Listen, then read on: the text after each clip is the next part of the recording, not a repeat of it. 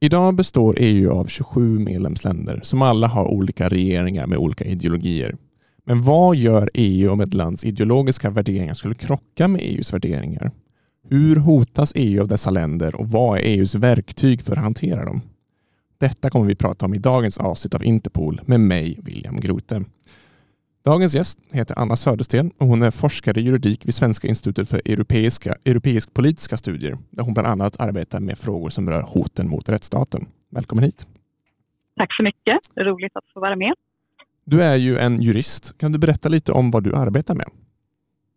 Ja, eh, jag jobbar då som forskare i juridik vid FIEPS som är en myndighet och som fungerar som en länk mellan forskningsvärlden och makthavare på olika nivåer. Och vi tar fram publikationer och eh, organiserar seminarier, konferenser och vi har även en podd.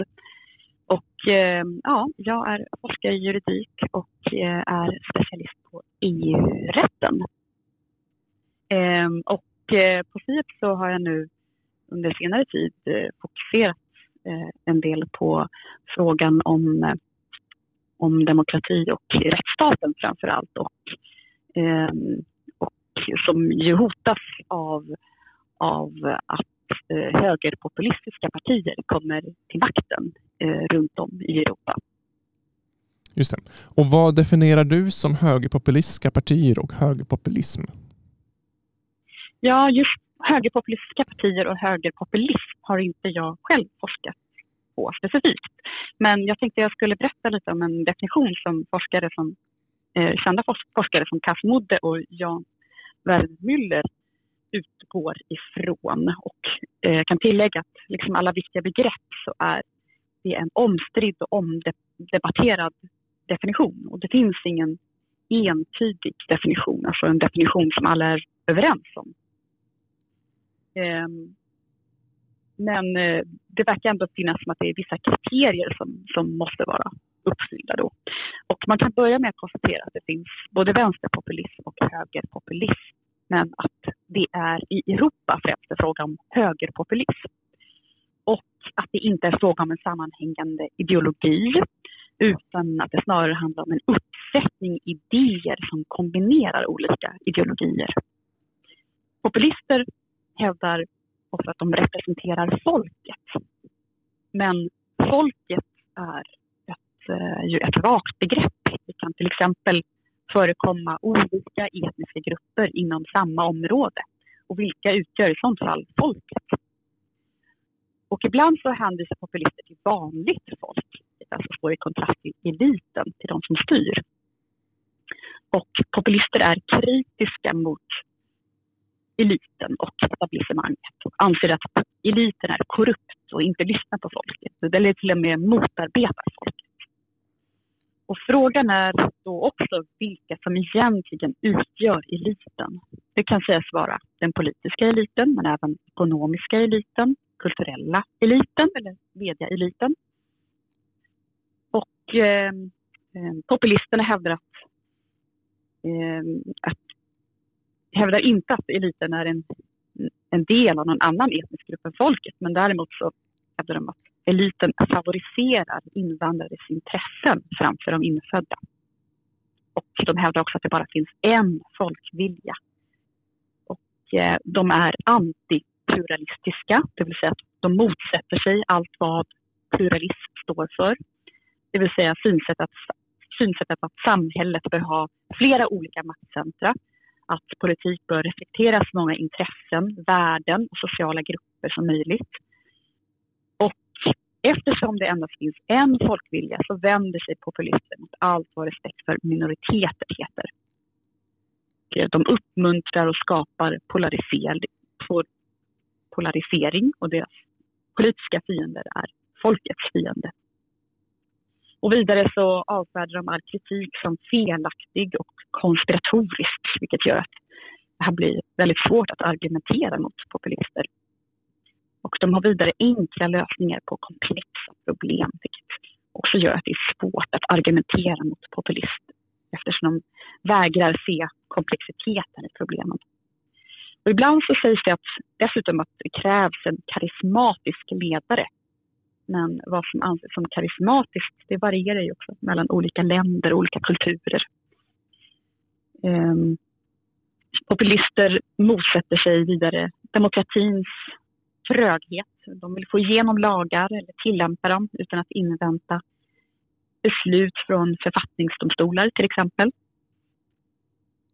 Eh, det används ofta en, en eh, ganska vulgär retorik, vilket förstås inte är alltid specifikt för populister. Och så slutligen så eh, bör det betonas att populister inte upphör att vara populister om de kommer till makten. Utan det här, de fortsätter att hävda att det finns en elit som hindrar dem från att genomföra sin politik till fullo. Det vill säga den verkliga makten är alltså inte vid de folkvalda utan vid några illegitima krafter som hindrar folkets röst. Till exempel då Trump som var kritisk mot mediaeliten och Berlusconi som var kritisk mot jurister, mot domare. Just det. Och vilka länder är i nuläget styrda av högerpopulistiska regeringar i Europa? Ja, det är som sagt då inte mitt specialområde, men man kan säga att det i princip inte är eh, några länder i Europa som kan sägas vara helt förskonade från högerpopulism eller ytterhögern.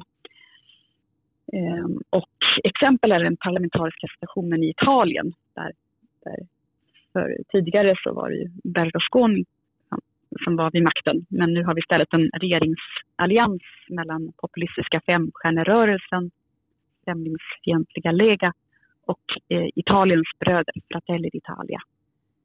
Vi har även exempel i Frankrike, Marine Le Pen med Nationell samling. Sverigedemokraterna eh, brukar av forskare också räknas till den här gruppen. Sannfinländarna, Fidesz i Ungern lag och rättvisa i Polen och det finns även exempel i Nederländerna, i Spanien och i Grekland. Eh, och hur påverkas EU av högerpopulistiska partier vid makten i Europa? Ja, man kan säga att det är eh, väl kanske främst EUs värden som, som kan komma att påverkas. Det är eh, eh kanske i nuläget svårt att säga om EUs politik har, har påverkats även om det, man kan tänka sig att, att den gör det, då allt flera högerpopulistiska partier kommer till makten i Europaparlamentet. Men eh, det är kanske främst, främst EUs värden då som skulle kunna tänkas vara i fara.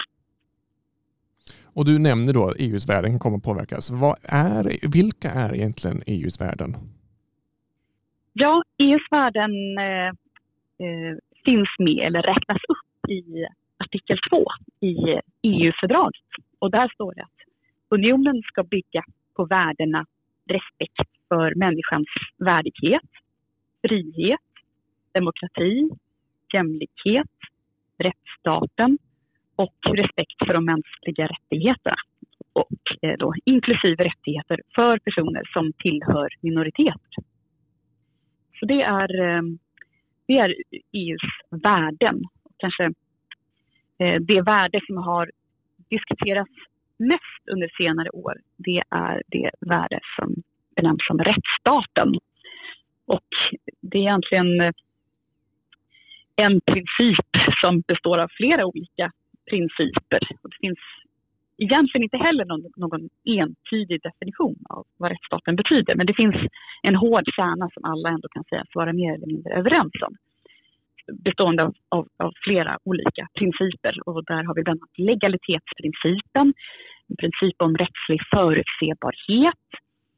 Eh, det finns ett förbud mot godtycklighet. Det ska förekomma en demokratisk process och det ska vara möjligt att utkräva ansvar. Det ska finnas oberoende och opartiska domstolar från den styrande makten. Och så ska det finnas möjlighet till effektiv rättslig prövning. Det kan man väl säga är rättsstatens hårda kärna. Och på vilka sätt hotas då rättsstaten av eh, högerpopulism? Ja, eh, det handlar framför allt om att högerpopulister hävdar att de representerar folket, som då var svårt att definiera. Eh, men och att det bara finns en folkvilja. Eh, så högerpopulister är antipluralistiska Och det är ju det som eh, motsatsen egentligen till rättsstaten. För rättsstaten är till för att upprätthålla pluralism. Så det är väl det, det största hotet som populister utgör mot rättsstaten. Och varför är det då så viktigt för EU att alla medlemsstater respekterar rättsstaten? Ja, det finns flera skäl.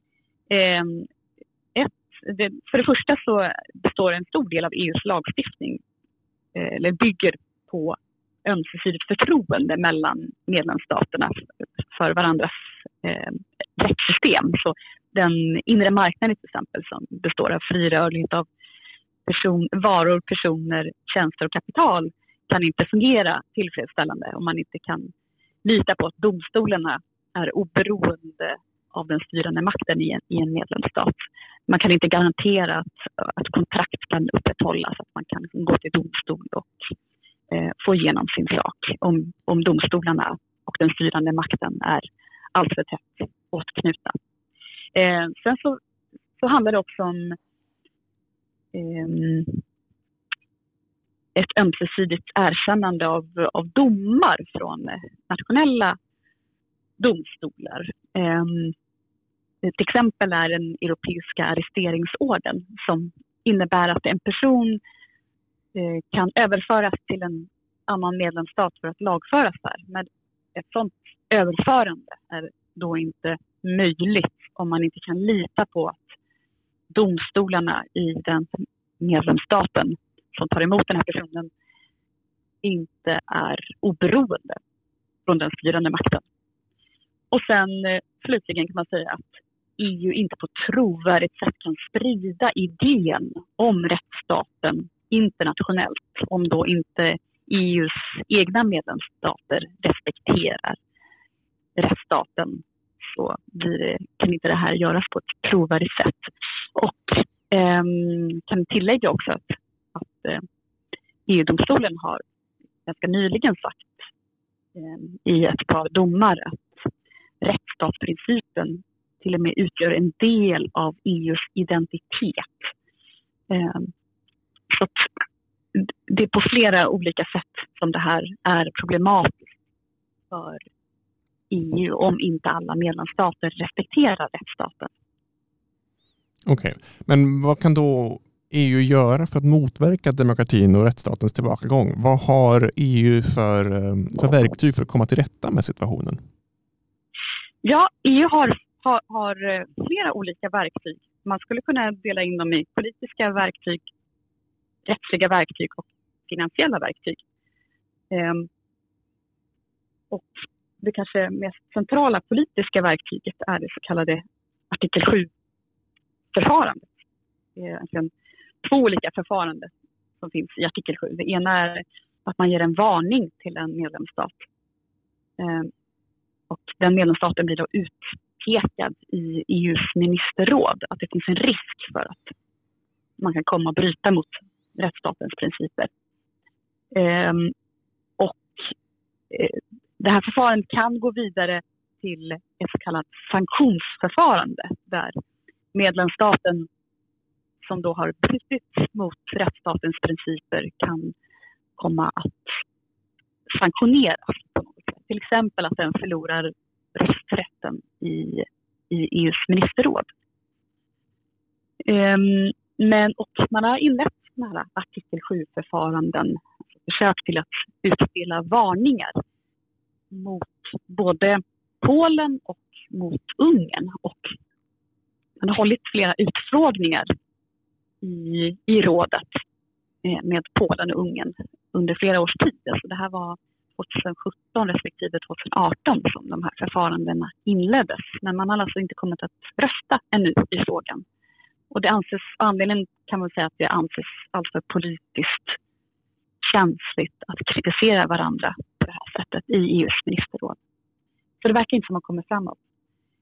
Men det finns också andra verktyg, rättsliga verktyg, där kommissionen kan inleda ett så kallat överträdelseförfarande.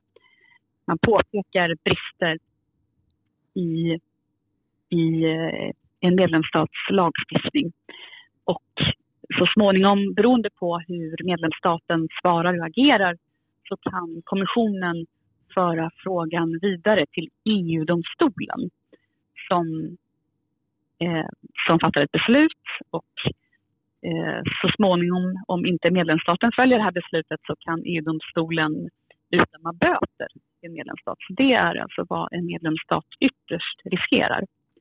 Och eh, i, eh, under förra hösten, inte höstas, förra hösten så, så utdömde faktiskt EU-domstolen böter till, Eh, mot Polen som eh, ett ganska höga böter, en miljon euro per dag. Och det här har fortfarande inte Polen betalat tillbaka. Så i, i dagsläget är det ju såklart fråga om väldigt stora belopp. Um, och det finns ytterligare ett verktyg, finansiellt verktyg kan man säga, som innebär att EU kan stoppa medel från budgeten till medlemsstater som bryter mot rättsstatsprincipen och som på något sätt hotar EUs budget. Och det här har EU börjat tillämpa mot, mot uh, Ungern. Så att man har så stoppat medel som skulle betalas ut till Ungern om man inte då genomför vissa ändringar i sin lagstiftning. Men det här återstår att se hur det kommer, om det kommer att fungera. Så vi vet ännu inte riktigt hur, hur, i vilken utsträckning som Ungern kommer att ändra i sin lagstiftning. Ja, det var, det, väl... ja, förlåt. det var ju mina följdfrågor. Vilka av dessa verktyg har EU använt sig av om de fungerar? Men har de bara använt dem mot Ungern eller finns det andra exempel? Eller vad sa du, Polen? Eh, så den här villkorsmekanismen då, där EU stoppar medel till medlemsstater som bryter mot rättsstatsprincipen, den har bara tillämpats mot Ungern Just det. Eh, än så länge. Och det är ett ganska nytt verktyg som antogs av EU under, eh, under 2021. Ehm, så det, ja, det är mycket som återstår att se så att säga egentligen vad, om hur det här verktyget kommer, kommer att fungera och sen om man nu kommer att tillämpa det även mot Polen. Det, det återstår också att se. Om du fick göra en bedömning, tror du att det här hade fått effekt, de här verktygen? Jag tror att eh, ja, det är väldigt svårt att säga, men eh, för, för Ungern så är det fråga om väldigt stora belopp som EU håller inne med. Och ja, egentligen både Polen och Ungern är ju, eh, är väldigt beroende av EUs medel för att, för att kunna utvecklas ekonomiskt. Eh, så att eh, man brukar ju säga att money talks. Men jag tror att, att vi fort, och, och man kan se redan nu att Ungern har gjort vissa, eller lovat att göra vissa ändringar i sin lagstiftning så att man respekterar rättsstatsprincipen och demokrati i större utsträckning. Men vi vet ännu inte riktigt vilken effekt det här kommer att få. Så jag tror att det är för tidigt att säga någonting om, om, de kommer, om de här verktygen kommer att ha effekt. I alla fall det här sista då, finansiella verktyget, villkorsmekanismen. Just det. Och en sista fråga här då. Vad anser du? Kan EU som vi känner till idag överleva om de högerpopulistiska krafterna växer starkare i Europa? Ja, jag tror att eh, överleva kanske EU kommer att göra, men det kommer att bli ett annat EU. Precis som EU-domstolen sa så är rättsstatsprincipen en del av EUs identitet. Och eh, det är faktiskt till och med så att forskningsinstitut som, som Freedom House och vi Democracy i Göteborg har sagt att Ungern inte längre kan klassificeras som en demokrati. Så situationen har gått ganska långt. Så frågan är vilket EU vi har om, om det är fler som fler medlemsstater som utvecklas i den här riktningen. Och jag tror att de, av de anledningar som, som jag räknade upp som har att göra med EUs funktion, trovärdighet och identitet gör att, att EU inte kan fortsätta existera som som vi känner, eller som, som EU ser ut idag, om inte alla medlemsstater fortsätter att respektera rättsstaten. Just det. Och Det var allt vi hann med i, i dagens avsnitt. Eh, jag vill tacka dig, Anna Södersten, för ditt medverkande i dagens avsnitt. Om ni lyssnare har för några frågor om dagens avsnitt eller förslag till podden så tveka inte att skicka ett mejl till mig på media.upfu.org. Återigen, stort tack till Anna för ditt medverkande. Tack så mycket.